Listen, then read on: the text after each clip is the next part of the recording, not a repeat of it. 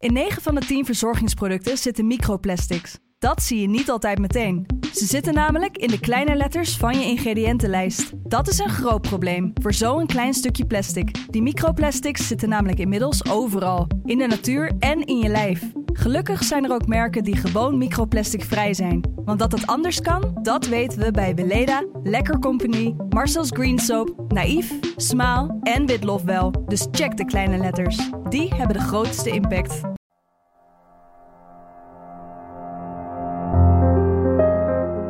Dit is de politieke podcast van de Telegraaf. Afhameren met Wouter de Winter en Pim CD. Ja, Wouter, we gaan het niet over de stem van Saskia Willeman hebben. Hè? Daar zijn we nu klaar mee. Ja. De verkiezingen komen eraan. Dan denk je van, nou, de campagnes barsten los. Thema's als eh, bestaanszekerheid, bestuurscultuur, noem het maar, komt allemaal naar voren. Maar ja, Nou, toen, eh, juist een beetje minder, toch? Eigenlijk. ja dat wou ik zeggen. Toen eh, brak de oorlog in Israël uit. Het is eigenlijk het speelveld is, eh, is, is het echt aan het draaien. Wat is jouw gevoel daarbij? Nou ja, dat, dat, volgens mij is het nog iets te vroeg om te zeggen. Dat is een wat ma- gemakkelijk antwoord, maar het is denk ik wel de waarheid. Ik heb eh belicht opgestoken bij verschillende partijen eh, de afgelopen dagen ook. En je hoort allemaal wel van ja, het zou kunnen. Anderen zeggen weer van nou, het is niet, hè, om verschillende redenen. Sommigen zeggen het is nog ver weg Mhm. voor de verkiezingen. Het is toch, als je. We hebben het natuurlijk vaker gehad, eh, Pim, dat we dingen bespraken. En dan, dan de volgende week waren we alweer ongeveer vergeten dat dat in de politiek had Ja. plaatsgevonden. Dat, dat leuke plaatje wat je af en toe op X wel eh, ziet voorbij komen van Kuifje en, en Captain Haddock.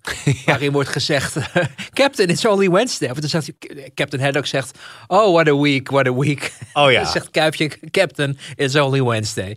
En dat is ook een beetje eh, in de politiek natuurlijk, zeker in campagnetijd. Dat dingen waar je heel erg over opwint, een week later kan er weer iets anders zijn. Dit is natuurlijk iets wat een langdurig conflict eh, belooft eh, te worden.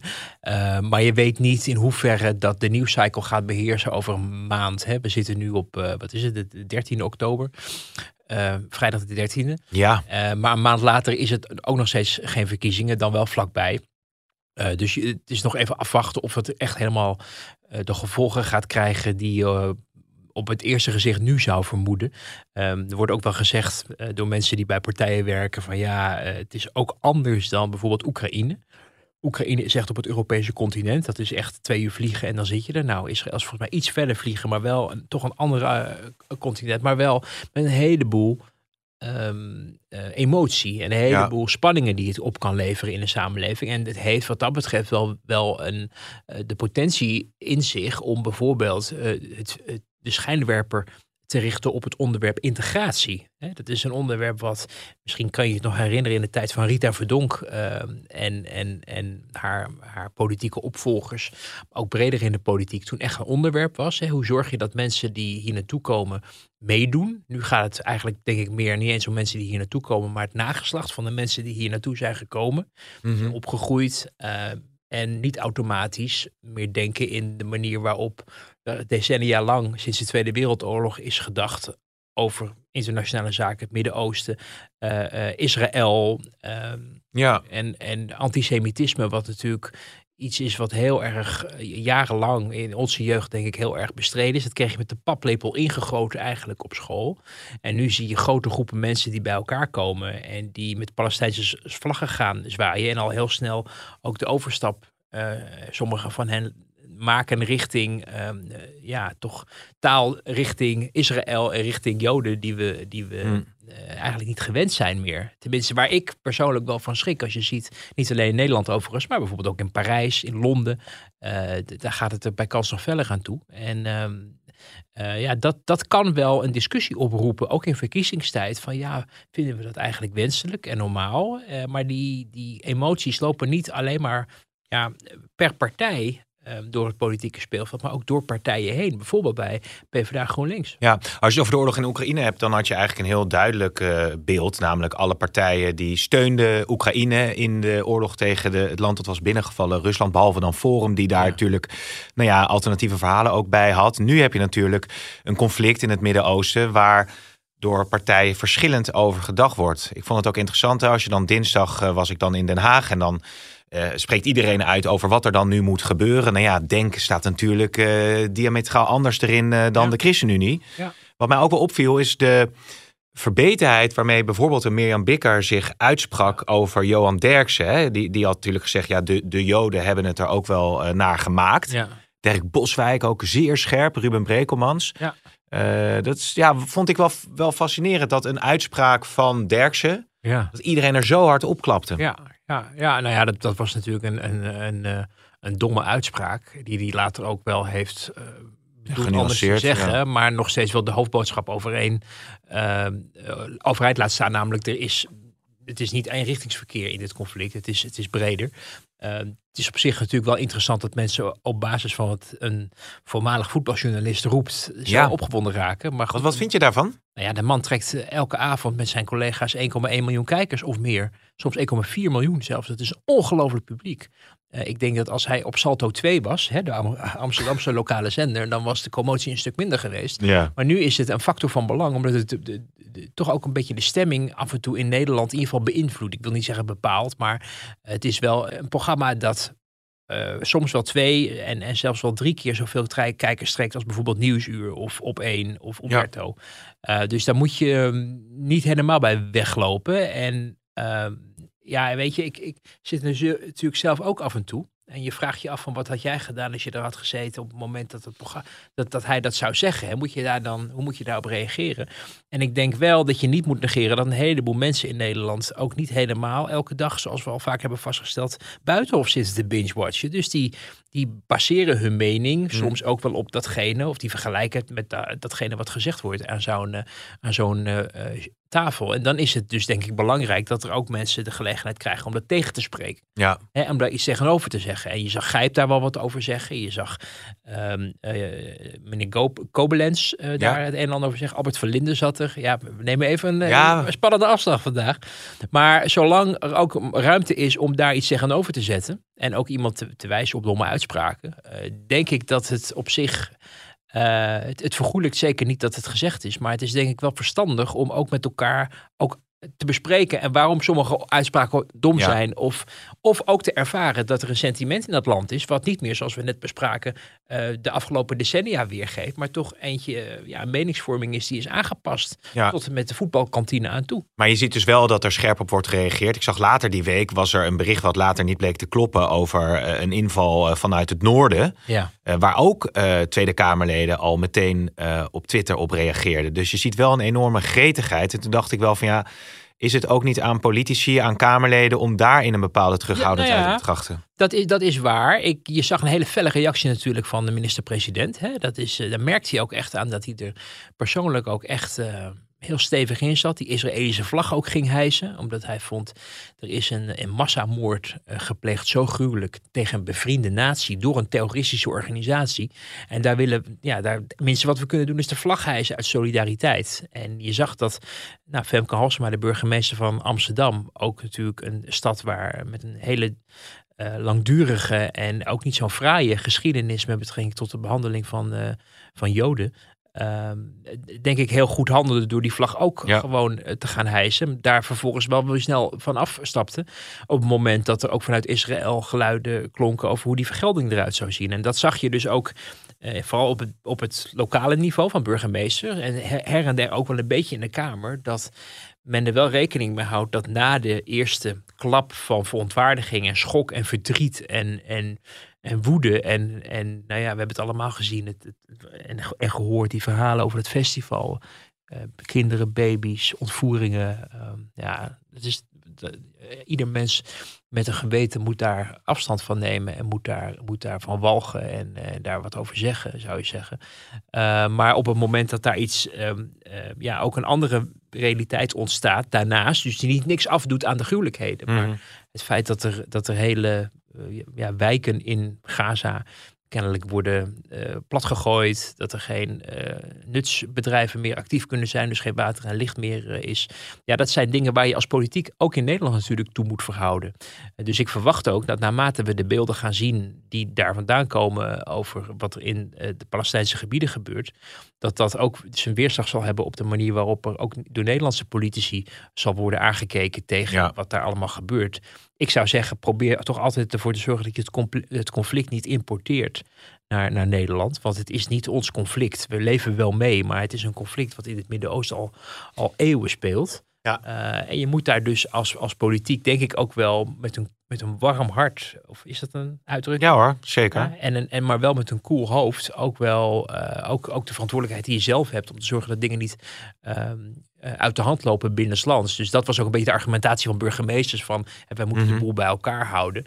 Uh, wat ik wel schokkend vond toen aan het begin van de week, is dat er zoveel terughoudendheid was om alleen maar een vlag te hijsen. Ja. Uh, zeker toen het net gebeurd was, dat je op een gegeven moment een andere toon zoekt. Dat is logisch. Dat probeer ik ook net uit te leggen met betrekking ook tot de Kamer. Ik denk dat de politiek ook al op een gegeven moment een iets andere beschouwing van zal geven. Uh, maar dat je op, op, het moment dat de, dat de lijken nog warm zijn, zoals men dat in gruwelijke termen noemde, uh, al, al begint met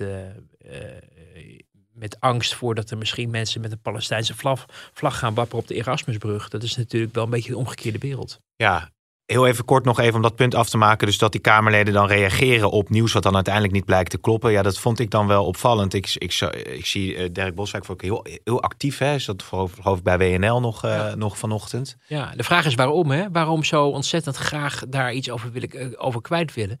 Bij sommige partijen is het een beetje, ja, zit het in de haarvaten. Je ziet... Uh, bij de christelijke partijen natuurlijk een grote connectie met, met Israël. Ja.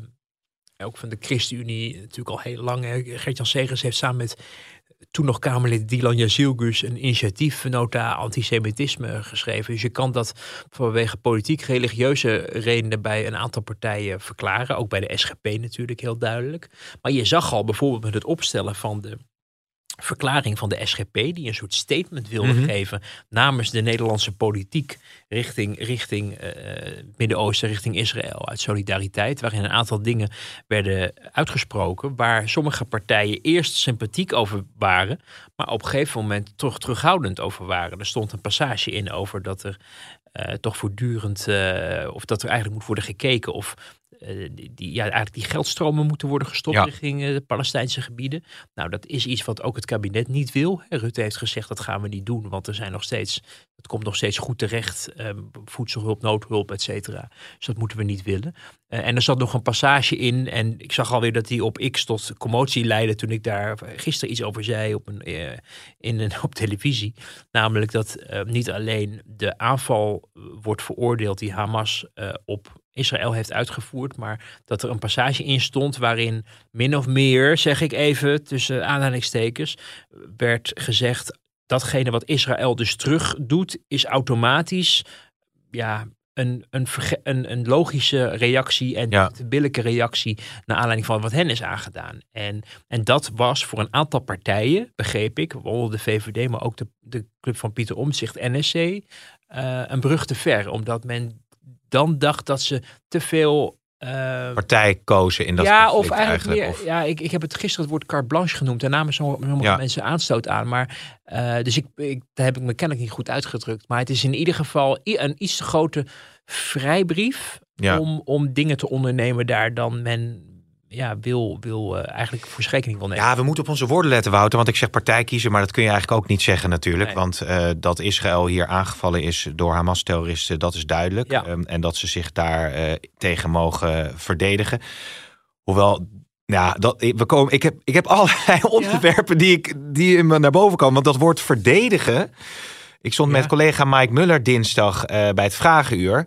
En eh, er was een commotie ook over Jesse Klaver. Die Ja. had dan getweet eh, ook. En eh, Timmermans ook. En dan ging het over het woord ook, ook verdedigen. Wat is dan verdedigen? En in het Vraaguur had hij het over beschermen. Ja, En toen zei Mike, ja, dat zijn al die woordenspelletjes. Waar, waar, waar misschien, hè, dat is misschien wel een implicatie. Of misschien dat hij zich dat wel realiseert. Van Ja, als ik nou Mike- Mike- dat woord gebruik of dat woord, valt het wat minder zwaar aan mijn eigen achterban. Ja, nou ja, Mike is een slimme, slimme collega, dus die ziet dat volgens mij goed.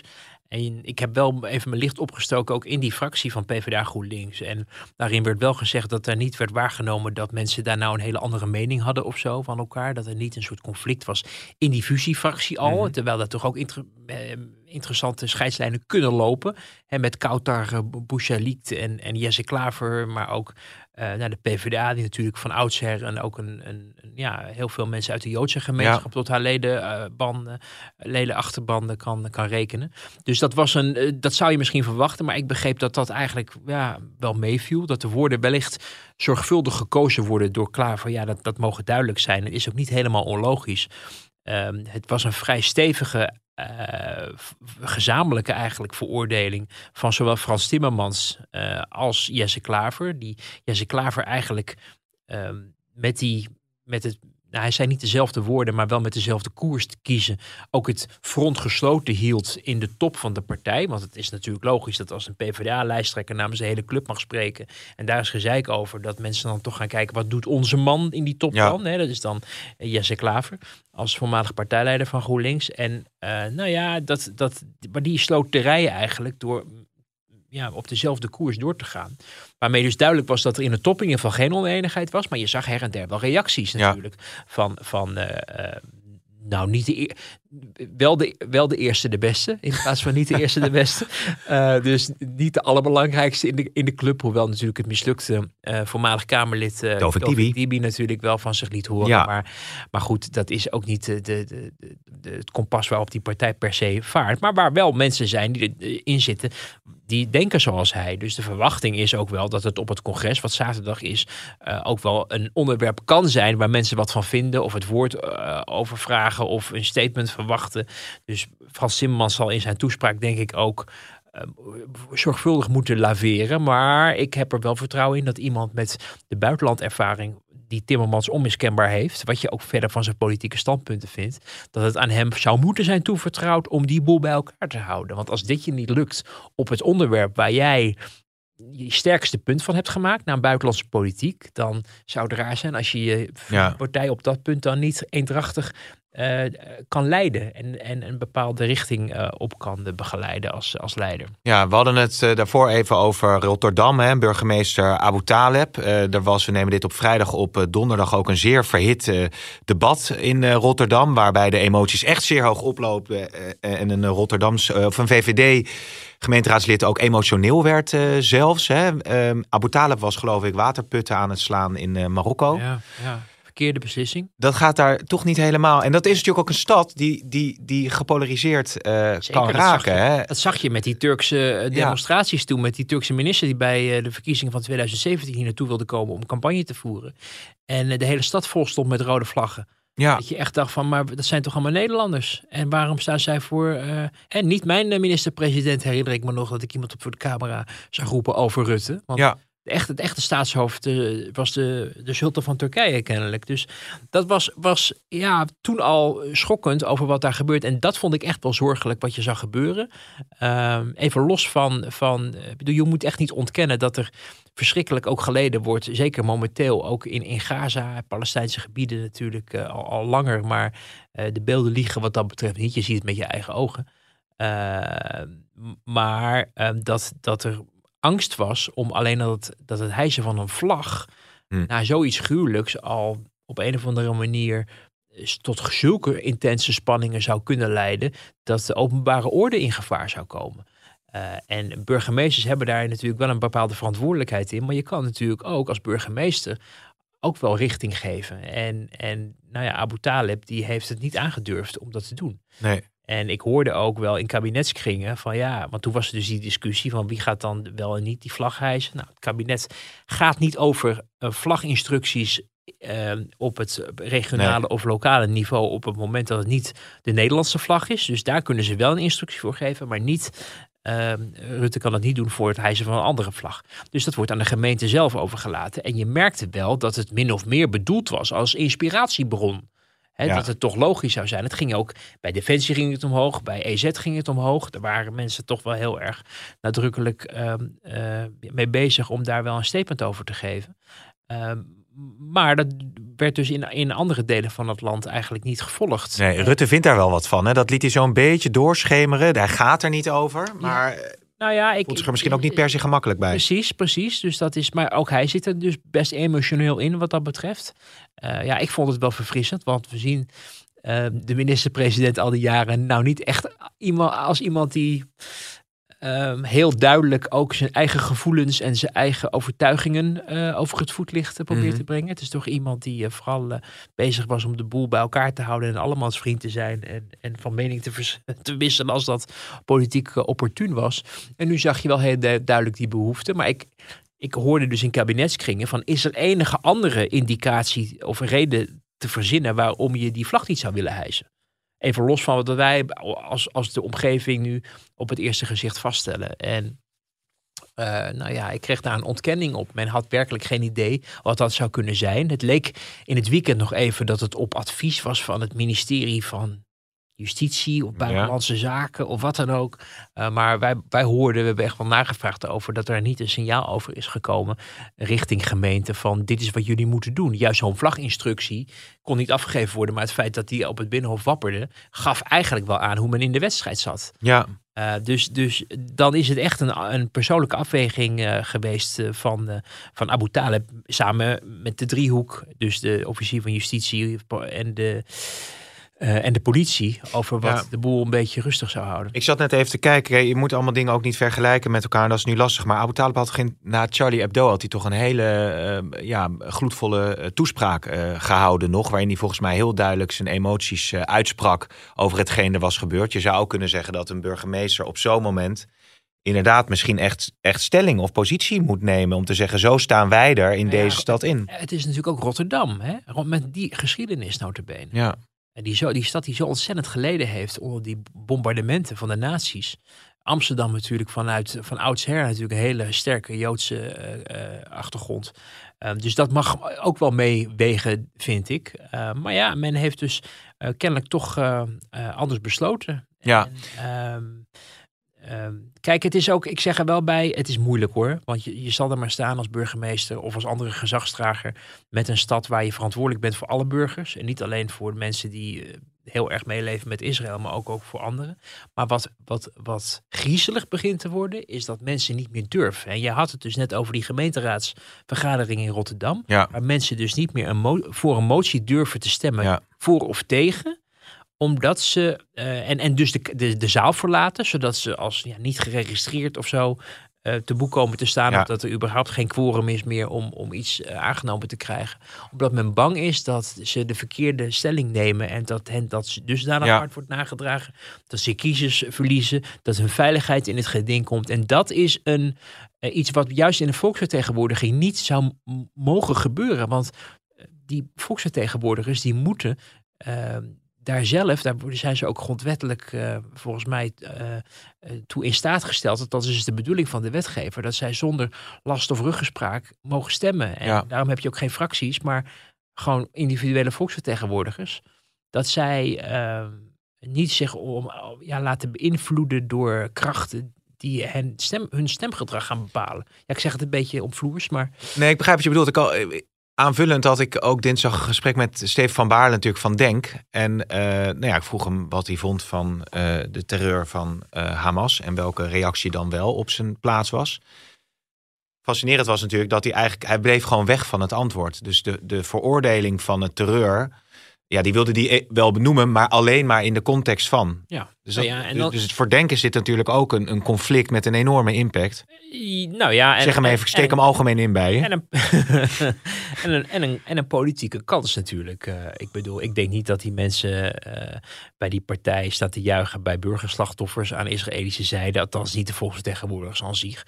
Maar zij zien wel dat er in hun achterban natuurlijk mensen zijn die daar wel een hele duidelijke mening over hebben. En die probeer je binnen te hengelen. Zeker in een tijd dat die partij ja, nou niet heel erg in de schijnwerpers meer stond. Uh, het was natuurlijk toch een hoop dat het de grote allochtone partij zou worden. Waar Hmm. mm. toch een miljoen moslims zijn er geloof ik in Nederland. Uh, dat, dat die zich daar massaal achter zouden scharen. En dat is niet gebeurd. Dus dan zit je al heel snel in een niche market. En de niche market is toch het extremere van mensen die dusdanig met die religieuze achtergrond en overtuigingen en, en, en, en, en allochtone achtergrond mee bezig zijn, dat dat hun stemgedrag zou bepalen. Uh, even los van alle andere redenen waarom je op een politieke partij kan stemmen. Namelijk of je vindt dat er meer aan het klimaat moet worden gedaan. Of dat je vindt dat de belastingen omlaag moeten. Mensen die zich identificeren met Denk zitten in de hoek van dat ook vaak religieus gemotiveerde Ja. uh, uh, beschouwen van politiek. En dus is het voor hen heel interessant om dan ook het, eigenlijk het, toch met bij- bijeen dan, maar die partij is op sterven na dood, eh, lijkt het erop, ehm, ehm, het enige alternatief te zijn voor de rest van het politieke soepie, zoals ik maar zal zeggen. Omdat je dusdanige harde stellingnamen en, en eh, wegblijven van al te veel compassie tonen voor Israël. Eigenlijk bij geen enkele andere partij in die mate ziet. Zelfs bij PvdA GroenLinks, wat dan ook misschien nog wel die kant op gaat. Zie je dat sowieso de PvdA dat nooit zo extreem zal laten gebeuren in, in de eigen kring. En dan blijft ineens blijft iemand met een, met een un- unique selling point over. Ja. En daar maken ze royaal gebruik van. Dus ik zag de heren ook met grote glimlach door de Kamer lopen. Ik dacht van al die ellende die, waar ze het in de Tweede Kamer over hebben, is dat dan toch wel bijzonder. Want bij de een van de 33 eh, eh, rookpauzes die ze Nou, ik wil zeggen, misschien waren ze aan het glimlachen omdat ze een rookpauze in het fruit ja, hadden. dat, Dat, kan ze ook zijn natuurlijk. zwaar verslaafd. Maar niet de enige, hè? Wat? Worden, er zijn meer politici die graag een, eh, Caroline een- komen een ook regelmatig tegen. Maar, maar de, de heren van Denk, die, die, die zijn denk ik toch wel koploper. De- Ja. Die zijn echt, die zijn denk ik wel eens meer buiten aan het roken dan in het parlementsgebouw. Daarom kan het ook wel eens nuttig zijn hè, tussendoor om een sigaretje te roken. Want je komt ze allemaal tegen en je kan eens een gesprekje voeren daarbuiten. Mm, Nou, dit was, is volgens mij gewoon een verslaving. Maar ik merkte Nee, maar ik zit meer ik als vanuit journalistiek oogpunt te denken. Als je daar buiten voor die ingang staat van de Tweede Kamer. Ja, nou ja, de, iedereen, de zit rook, in, i- iedereen zit in een wat ontspannere setting. En je kan dus even eh, stoom afblazen, letterlijk. de rookruimte was vroeger wel echt een plek waar je dingen hoorde. En ik, ik haat roken. Ja. Uh, maar uh, uh, ik weet wel een collega die rookte, nu niet meer. Maar die ging ook wel eens in de rookruimte bij, van Nieuwspoort zitten, wat je nog ja. had. Oh, vreselijke Ja, je ook ruimte was dat. Man, Echt zo'n heel zielig... als je daar vijf minuten in stond, dan, Ja. dan had je gewoon Dan eh, moest- zes kilo teer op je lichaam. Moest je, ja, dan moest je gelijk alles naar de stomerij brengen. Ja, Of is- hangen de drie weken. Of, dus dus dat, dat was altijd een, go- een goede plek om mensen te ontmoeten. Uh, maar ja, het valt, het valt wel op dat, uh, dat zeiden, ik, daarom komen ze ook heel vaak langslopen. Dus, dus uh, daarom zien we het. Bij onze ruimte zit namelijk vlakbij uh, het gedeelte waar daar gerookt wordt. Wij ruiken het af en toe ook. Ja. Kijk naar de buiten ik, oh, daar is, zijn de schoorstenen weer. ja. Dus nou, even een zijstapje was Ja, dit. dat was even een zijstapje. Eh, Maar hoe cynisch ook, eh, de oorlog in Israël is dus ook, eh, wat je zegt, ook een politieke kans. eh, of in ieder geval een mogelijke verschuiving. Ehm, in het verleden had je vaak de premiersbonus. Dat als er een groot Ja. eh, conflict speelde, dat de premier daarvan eh, kon profiteren. Nou, Jezilgus die moet nu het stokje gaan overnemen. En zij was meteen, eh, kort na dat vreselijke gebeuren afgelopen weekend, zat ze bij op één en liet ze zich enorm ferm uit. Ja. Kan zij dan die premiersbonus van Rutte als het ware overnemen? Hè? Dat het meer een VVD-bonus wordt, zeg maar. Ja, nou, dat hopen ze natuurlijk wel op. Ik weet alleen niet, in alle fairness, hè, want we moeten niet naïef zijn.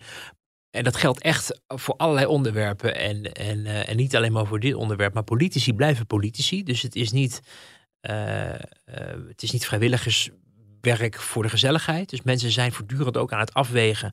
Wat zijn de politieke kansen? Waar zijn de bedreigingen? Wat is de koers van de partij? Hoe kunnen we kiezers overtuigen? Het is tenslotte verkiezingstijd. Dus daar moet je niet je, je ogen voor sluiten of je, of je oren voor sluiten. Maar uh, bij Jezielkus weet je dat daar al heel erg lang een heel duidelijke ja, overtuiging, persoonlijke overtuiging ook is. Via familiebanden, via het feit dat ze als raadzitter al, al ten strijde trok tegen antisemitisme. Een initiatiefnota die ze met de ChristenUnie geschreven heeft tegen antisemitisme. En ook als minister daar ja, zich wel hard voor heeft gemaakt om dat, om dat, dat gif uh, ja, uit, uit, te, uit te roeien, zullen we maar zeggen, mm -hmm. van antisemitisme. Dus, dus dat zij daar stevig in zit en zich ook uit. En dat ze dus naar die bijeenkomst gaat. En er waren, ik geloof, een aantal mensen uitgenodigd. Ze was ook niet de enige. Ja. Uh, PVV was er ook vertegenwoordigd. BBB was er. Nou, ik doe andere mensen tekort die er ook waren. Maar er waren veel mensen daar. En, en um, ja, er werd haar voor de voeten ge geworpen dat ze er ja, een politiek slaatje probeerde uit te slaan. Maar ik, ik nou, en op wat voor manier ook. Hè? Uh, ja. Bij de Nieuwsbv werd zelfs gezegd dat ze campagne zou voeren over de lijken van Israëlische en Palestijnse mensen. Ja, maar de Nieuwsbv is natuurlijk ook totaal van het pad af. Dat is, dat is ook een idioot programma eigenlijk. Zeg ik maar niet, er, is, er is in ieder geval niet een uh, gebalanceerde nee, uh, dat is, En dat krijg je ervan als je, als je de media zo inricht dat, dat er rechtse en linkse omroepen moeten zijn. En die dus dan ook vaak ook rechtse en linkse mensen uitnodigen. Mm. Of dat hopen. En dat, dat ze dan in het, in het straatje passen zodat hun concessie weer wordt verlengd. Maar dat is ook weer even een zijstap. Ja, we hadden het over Jezilgus en haar overtuiging. Ja, ja. En, en um, nou ja, weet je, dat, dat, ik denk dus echt wel dat hier echt ook een persoonlijke beleving. Kan je overigens afvragen van moet je je persoonlijke uh, overtuigingen, als je daar heel erg persoonlijk bij betrokken bent, dan ook zo uiten. Hè? Daar kan je als politicus natuurlijk altijd wel even van afvragen, is dat handig of niet? Maar je merkt over dit onderwerp, natuurlijk ook bij heel veel mensen met een Joodse achtergrond, soms eh, religieus gemotiveerd vanwege hun geloof, uh, bij de ChristenUnie heel erg natuurlijk en de SGP, maar maar bijvoorbeeld ook bij de PvdA zijn er echt wel mensen die, die, die dit ook in hun. Ja, die, die de scheidslijn ook wat moeilijk kunnen bewaken tussen politieke afweging en hoe ze het eigenlijk in de eigen familie met hun vaak. Hè, met Alexander Hammelburg natuurlijk ook van D66. Ja. Die, die daar zo persoonlijk, omdat ze dus, nou ja, bijna zijn hele familie is uitgevoerd. Ja. ja, dat gaat generatie op generatie door. Uh, en dan zie je dus diegene daar ineens heel veel over spreken. Ja. Wat je af en toe ook wel denkt van, pas ook op dat je, dat je niet van je persoonlijke uh, ervaringen per se een heel politiek verhaal maakt. Nee, nee. Uh, ik kwam hem inderdaad tegen. Ja, ik kwam hem ook dinsdag tegen. Toen heb ik hem ook geïnterviewd. En ja, er is gewoon een, een directe betrokkenheid. Hè? Hij heeft uh, vrienden, familie die opgeroepen worden om, om mee te vechten in de Gazastrook. En hij kende ook weer uh, mensen die bij dat festival uh, aanwezig waren. Dus uh, het nichtje van een goede vriend was, is die Shani Luke. Hè? Dat is dat Duitse meisje die gegijzeld is. 22-jarige Duitse meisje. Allemaal, allemaal afgrijzelijk ja. in elk geval. Ja. Um, als we het even uitzoomen. Hè? Rutte zei ook dinsdag in het vragenuur dat, dat het kabinet ook bij elkaar is gekomen. Um, kun, je, kun je me meenemen achter de schermen? Want je had het al even over het overslaan van het conflict naar Nederland. Dat lijkt me een, een, een sentiment wat besproken moet worden. Maar je hebt natuurlijk ook gewoon de grote oorlog op dit moment in Oekraïne. En het conflict in Israël.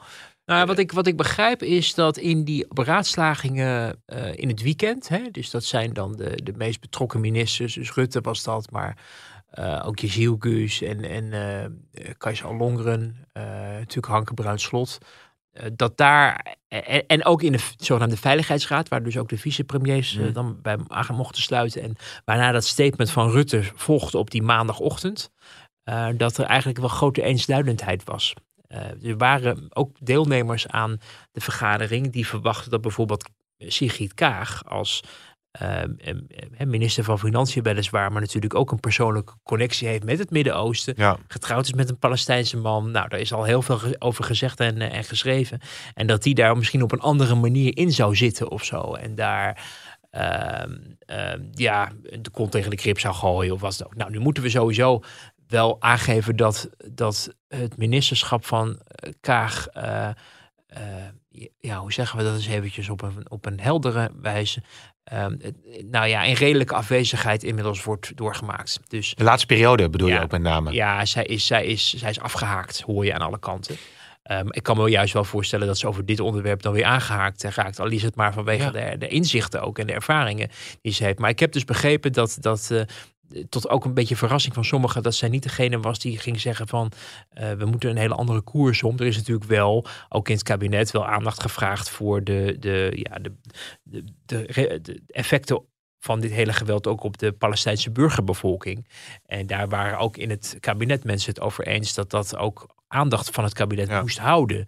Uh, maar het idee dat daar men elkaar de tent uitvocht omdat men persoonlijke connecties voelde met Palestijnse gebieden. Of, uh, dat, dat heb ik niet kunnen waarnemen. Nee, dat, uh, dat leek, leek, redelijk eensluidend.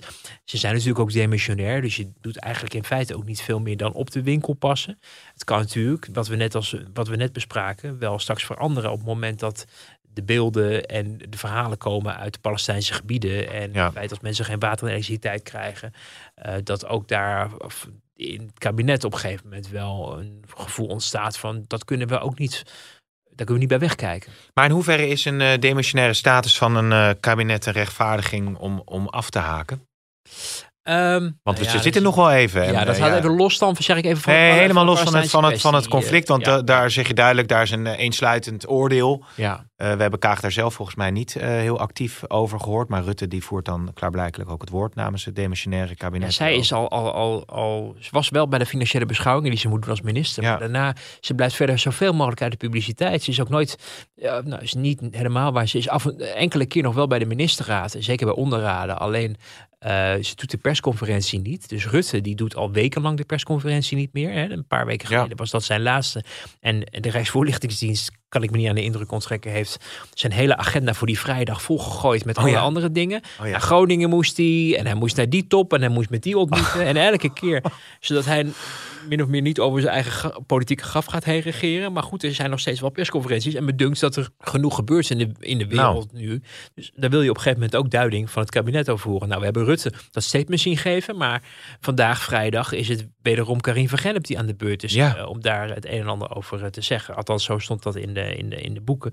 En Karin van Gennep is de tweede vicepremier. De eerste vicepremier is Sigrid Kaag. Nou, die is er al weken niet. Ik heb er vorige week naar gevraagd in de persconferentie. Van, goh, vindt ze het niet leuk meer bij ons, de journalisten? En eh, nou ja, dat... eh, dat, dat wist Van Gennep dan ook niet. Maar Nee. ehm, ik hoorde wel eh, in, in de regeringskringen, dus ook echt wel van een minister, eh, achteraf eh, de vraag stellen is een beantwoorden. Ja, maar zit daar dan veel zeer nog over die functie die Hoekstra heeft gekregen, die zij mis heeft gelopen? Of is ze zich al aan het oriënteren op een andere baan? Of, of Ja, wat, wat, wat ook is dat het had ik verhaal aan, aan Van Gennep, omdat ze zoveel in het buitenland is, is, is ze met een internationale sollicitatieronde bezig op vrijdag, in plaats van in de ministerraad te zitten. Maar ja, dat wist Karin van Gennep Ja. ook niet. Eh, maar wat wel, wat wel eh, kijk, je snapt wel, dat is natuurlijk mislukt. Dat partijleiderschap van haar is mislukt. Eh, het ministerschap van Financiën is eigenlijk ook mislukt. Ehm, er is een teleurstelling rond het Eurocommissariaat. Je ziet dat, dat met die partij natuurlijk, die gaat helemaal down the drain. En er zijn er wel iets van zes zetels over van de Ja. 24. Er is vrij reden om. Ik kan me wel voorstellen dat je daar persoonlijk op aan het afhaken bent. Maar dat zorgt ook wel voor zagrijn in eigen kring. Hè? Of wil ze plaatsmaken voor Jette? Dat kan natuurlijk ook. Nou, dat hè? sowieso, dat hoort ook zo, denk ik. Dat is Ja. ook fatsoenlijk. Maar eh, bijvoorbeeld eh, Alexander Pechtold, de voormalig leider van D66, die eh, werd bij een programma van BNL op maandag in de lobby, de Haagse lobby, geïnterviewd. Mhm. En hem werd ook de vraag gesteld van, goh, had u liever Kaag eh, zien vertrekken naar, eh, naar, eh, Ja, naar ja. Brussel dan Hoekstra, waarop eh Pechtold, dus eigenlijk degene die die partij van de rand van de achtergrond heeft weggetrokken en, en weer op 19 zetels heeft gekregen. En, en een hele belangrijke speler in Den Haag voor de afgelopen 15 jaar gemaakt. Die zei van dat hij daar helemaal geen commissaris had willen worden. Nee. Want eh, je, je laat als partijleider je club niet in de steek als moeilijk nee, je hebt een mandaat van de kiezer gehad hè, en je moet het, eh, de klus afmaken, zeg maar. Ja, en dat volgde eh, vlak nadat de NRC had gepubliceerd dat ze in, ma- in januari al bezig was Ja. met een andere baan. En Ja, toen was ze nog partijleider. Hè? ja, dat wou ik zeggen. In tijdsbeeld januari. Ja. Ja, Dus, dus toen was ze al bezig. En Ja. dat zien die D66 natuurlijk ook. En dat hoor je ook wel. Kijk, dat is eigenlijk net als met Hoekstra bij het CDA.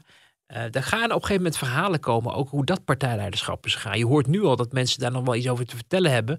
Maar vanwege de verkiezingen en vooruitkijken en Harry Bontebal is de fantastische man nu, komt het allemaal niet naar buiten. Maar dat gaat nog een keer naar buiten komen, want dat is ook niet allemaal lekker gegaan. Hetzelfde geldt voor Kaag. Als je met mensen spreekt die met haar gewerkt hebben de afgelopen jaren, ook bij D66, die, die, die, die, die ook het beste wilden voor D66 en voor haar partijleiderschap, die hebben ook ervaringen met haar meegemaakt, waarin ze in het publieke domein niets over zeggen. En ook dachten, zeker nu de verkiezingen aankomen, van het is ook niet zoveel nee. gelegenheid om dat nu te bespreken. Het werd heel erg natuurlijk op de, de dreiging gegooid, Ja. hè, de fakkels. Maar, de, maar er is natuurlijk ook de manier waarop die partij werd geleid, of eigenlijk niet werd geleid, want dat is wat je hoort. ehm, die, op, die, waar mensen echt wel naar, naar indruk van hebben gekregen. En ja, ik kon me niet aan de indruk onttrekken dat die hartekreet, of eigenlijk die, eh, eh, ja, het, het, het, bijna vers, hij leek zich echt te verspreken, Ja. Pechtold. Dat je merkt dus dat in die partij wel een gevoel leeft van, Ja, ze heeft het uit de handen laten vallen. Het is een beetje stout of het is ook, hij laat het zich bewust ontglippen. Dat, dat gevoel Ja, krijg je een beetje. Hij wilde wel duidelijk een signaal mee afgeven, denk nou, ik, ik, ik denk dat hij achteraf ook dacht van oei, want het heeft alleen maar weer gezeik op. Maar het was wel eerlijk. En het is echt niet alleen Pechtold, er zijn echt veel meer mensen die meer hadden verwacht van het leiderschap. En dat niet hebben gekregen. En ehm, eh, nou ja, dus, dus ik verwacht dat we over een jaar of zo, was de verkiezingen geweest zijn, dat we dan ook wel mensen horen zeggen van ja, dat was niet een goede tijd. Het is interessant. Ik moet even aan Hugo de Jonge denken. Er stond vandaag een verhaal ook eh, in, op de voorpagina van de Telegraaf over eh, het plan dat je een straatje bijbouwt in elke stad of, of, of dorp en daarmee het woon, woningtekort eh, kunt aanpakken. Mm. Toen dacht ik, nou die de Jonge, die, die, die blijft ook maar doorrausen. Hè? Ja. Terwijl dus zijn, zijn politieke ja, compaan, concurrent eh, binnen het CDA, zeg maar, nu in, eh, in eh, Brussel eh, zit. Is Ja. hij de klus eh, vol bravoure en enthousiasme aan het afmaken. ja, dat, maar dat, dat siert is- de man toch ook wel weer eigenlijk. Hè? Ja, ja, ja. Het, ik bedoel, de man heeft hè, zijn eigen Even een persoonlijke modus operandi. En, en dat is ook vaak over promise en under deliver gebleken, helaas. En, en eh, dat vindt hij denk ik niet... eh, volgens mij luistert hij ook naar de podcast. Ja, maar goed, het is uit, uit, niet eh, leuk, maar ik zeg het uit, toch uit, uit onderzoek. Wat is het? Dijsselbloem gekomen, toch? Hè, over ja maar goed, of dat nou de Dus- maatgevend moet zijn, dat nee, weet dat ik is niet. ook weer zo. ik wou het even wegschrijven Ja, ja, ja. naar een bron. Nee, maar, maar bedoel, dat is een beetje de aard van het beestje. hè. Je hebt natuurlijk ook eh, ministers die, die echt denken van... oké, eh, het kabinet is gevallen, om me heen gaan kijken. Ik, ik doe eigenlijk... het- Kijk, de Kamer verwacht ook van eh, de ministers en de staatssecretarissen... dat ze op de winkel passen en niet zelf met initiatieven komen. Nee. Maar er zijn ook ministers die het moeilijk vinden om het los te laten. En die ook vinden dat ze het aan hun stand verplicht zijn om alles in het werk te stellen om Nederland beter te maken. Tenminste, wat zij dan denken, wat Nederland beter van wordt. Ik moet ook wel een beetje af en toe grinniken om eh eh, eh, Ernst Kuipers bijvoorbeeld, die ook overal in allerlei praatprogramma's opduikt om daar te vertellen hoe het allemaal met de volksgezondheid moet. Dat ik denk, ja, jij was minister, je ging daarover, maar nu is het tijd voor een nieuwe lichting. Ja. En het is heel verdrietig, maar ik, ik heb af en toe het idee dat hij nog niet helemaal aan dat, dat hij daar helemaal aan Nee. kan wennen. Nee.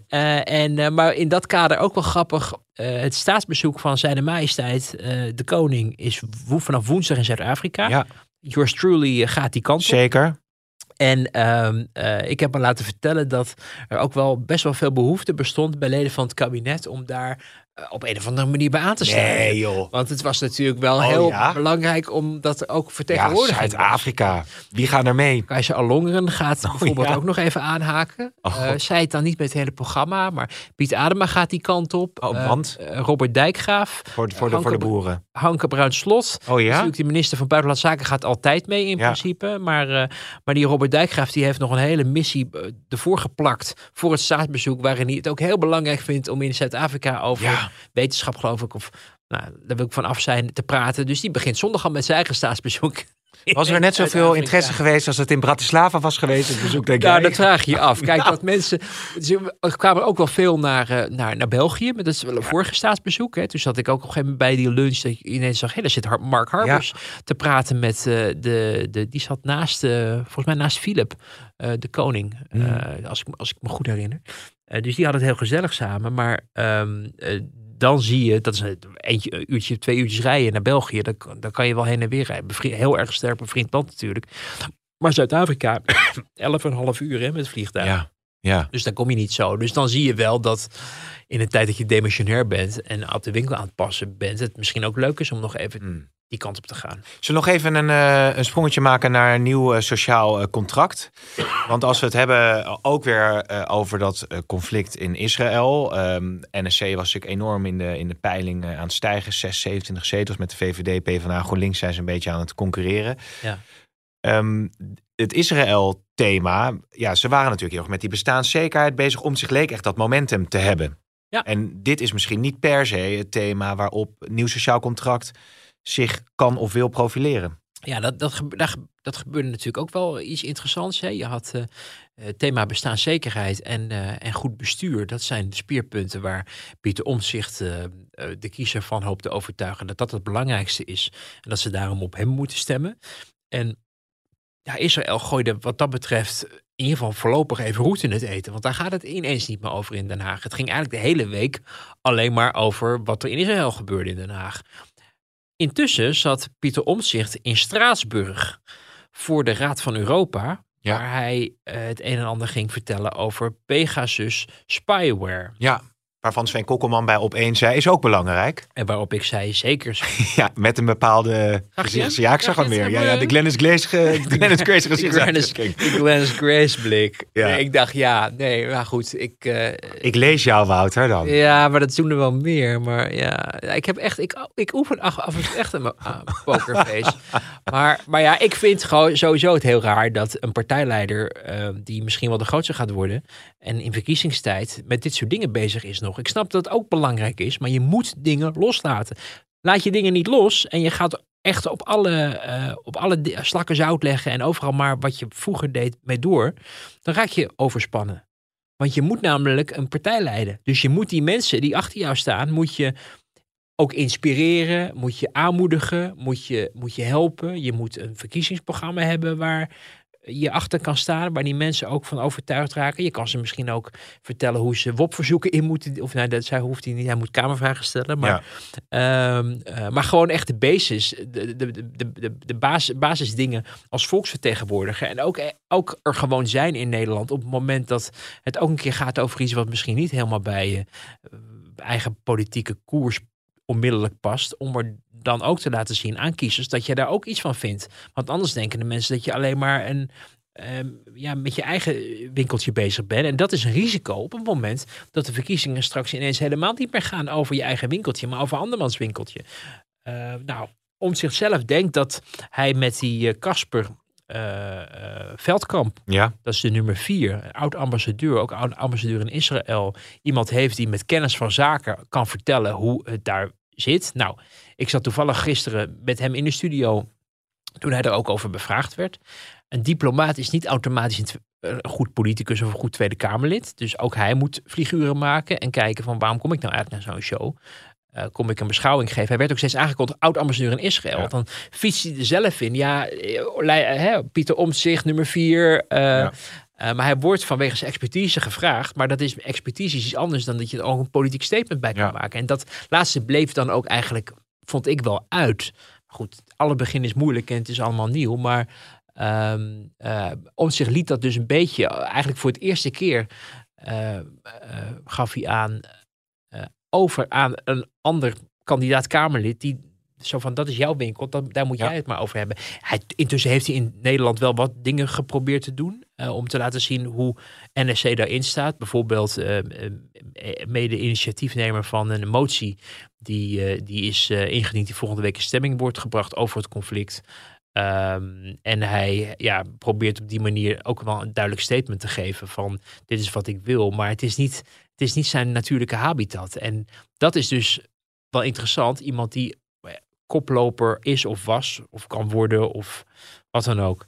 Die uh, ineens geconfronteerd zit met een totaal andere politieke werkelijkheid. Zelfs Pieter Omzicht. Ja. ja, dat kan nog best interessant worden als dit doorgaat.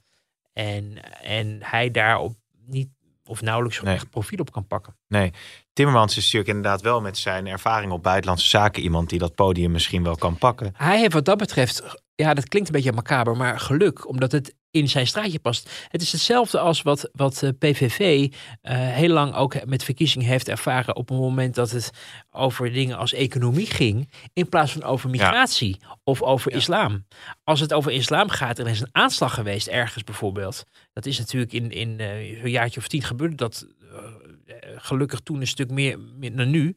Um, maar dat, dan zag je altijd weer een bump van, van Wilders van ja, uh, pak die terroristen aan en ja. uh, dat extreme uh, moslimgeloof. En dan, en dan dachten mensen, ja, heel goed dat iemand het zegt. En dan gingen kiezers weer naar hem. Ja. Ging het over, over, over economie? Ja, dat was niet, of over Europa, dat was niet zijn, zijn, zijn habitat. Nee, maar nu zag je wel meteen ook dinsdag Wilders om een minuut stil te vragen bij Vera Bergkamp. Vond ik ook wel een opvallend moment, want Bergkamp die gaf een eerste statement af. En het vraaguur begon. Ja. Wilders pakte wel meteen zijn moment te zeggen: ja, waarom houdt u nou eigenlijk geen minuut stilte? Ja, waarom het laat natuurlijk nog eens gekomen? Ja, en, en Wilders is natuurlijk heel erg begaan met, de, met, met Israël. Hij heeft zelf ook in een kibbutz ook gezeten in zijn, in zijn jonge jaren. Dus altijd als een vriend van Israël staat ook bekend. Is ook wel op die ambassade geweest daar Ja. in Den Haag. Dus dat past in ieder geval persoonlijk bij hem. Uh, maar hij heeft ook geleerd in de afgelopen jaren dat op een moment dat het politieke speelveld uh, een kant op gaat waardoor hij uit beeld dreigt te raken, dat dat nadelig kan zijn voor de peilingen. Hè. Daarom is hij ook op een gegeven moment heeft hij besloten om in zomervakanties af en toe toch maar te blijven twitteren, omdat je ziet dat als hij niet meer in het nieuws is, dat dan mensen uh, ja, niet meer zo geïnteresseerd zijn in de PVV. Dus hij Mm. houdt dat vuurtje eigenlijk brandende. Maar dit keer uh, niet, het is niet helemaal uh, onontgonnen terrein voor hem. Want als het gaat om barbarisme uh, van mensen die, nou, wat we hebben gezien in, uh, in Israël, uh, maar wat je ook nu elders ook ziet gebeuren, de, het gebrek aan integratie, de idiote protesten in Londen, uh, waarin, nou, je, ja, ja ik, ik sta er echt van te kijken hoe, hoe, hoe dat in hemelsnaam ja, je weet allemaal hoe het is ontstaan, maar je ziet het nu met... Het is een eruptie die je nu weer ziet. Ja, en, en dat is iets waar hij natuurlijk ook politiek een punt van kan maken. Van luister, ik heb hier Ja. jaren voor gewaarschuwd. En kijk eens wat er nu gebeurt. Ja, het zijn fascinerende tijden. Eh, jij gaat naar Zuid-Afrika. Doe al die eh, bewindslieden de groeten. En eh, we spreken elkaar volgende week. En de nog- koning ook? Of, De koning mag je ook de groeten Oh, doen. En we spreken elkaar volgende week. En wij gaan nog even puzzelen hoe we dat doen. Ja, ik, ik denk vanuit Kaapstad. Ja, precies. Maar we, daar gaan we de luisteraar met deze redactievergadering gaan we de luisteraar niet Nee. vervelen. Ik bedank hem en haar wel voor het luisteren. En Wouter, ik Tot spreek jou volgende snel. week.